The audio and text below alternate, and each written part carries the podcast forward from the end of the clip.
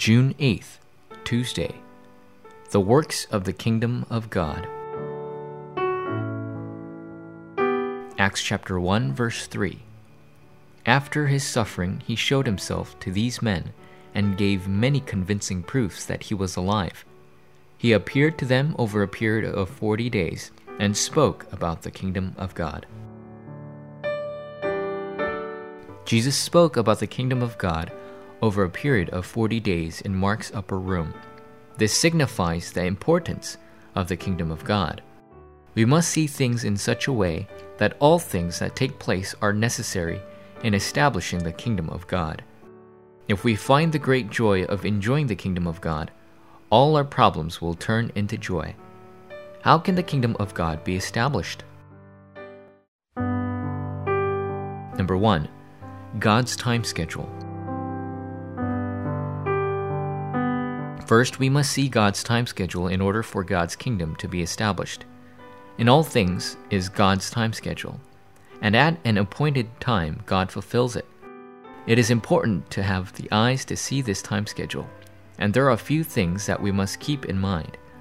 We must be able to see the rightfulness by which God's time schedule has no choice but to come, and God's time schedule has no choice but to be fulfilled. And at such times, we must be able to see the inevitability that is needed and the absoluteness that takes place. Once that happens, we will be able to see God's precise time schedule through all incidents, all works, as well as all people that we meet. Number two, the kingdom of God. We can wait upon the kingdom of God if we see his time schedule. And for this, we will see the challenges that we need to take up and be able to become considerate of others as well.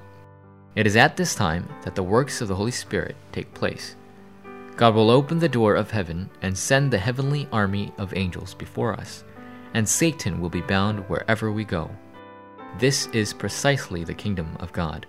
When God's kingdom is established, we will come to an important conclusion and the works where our surroundings begin to change will take place. And we will live our life as we enjoy the blessing of the throne along with the citizenship of heaven. Number three, method. It will be done only if God's kingdom is established in our lives. First and foremost, we must see and enjoy the kingdom of God that has been established in us.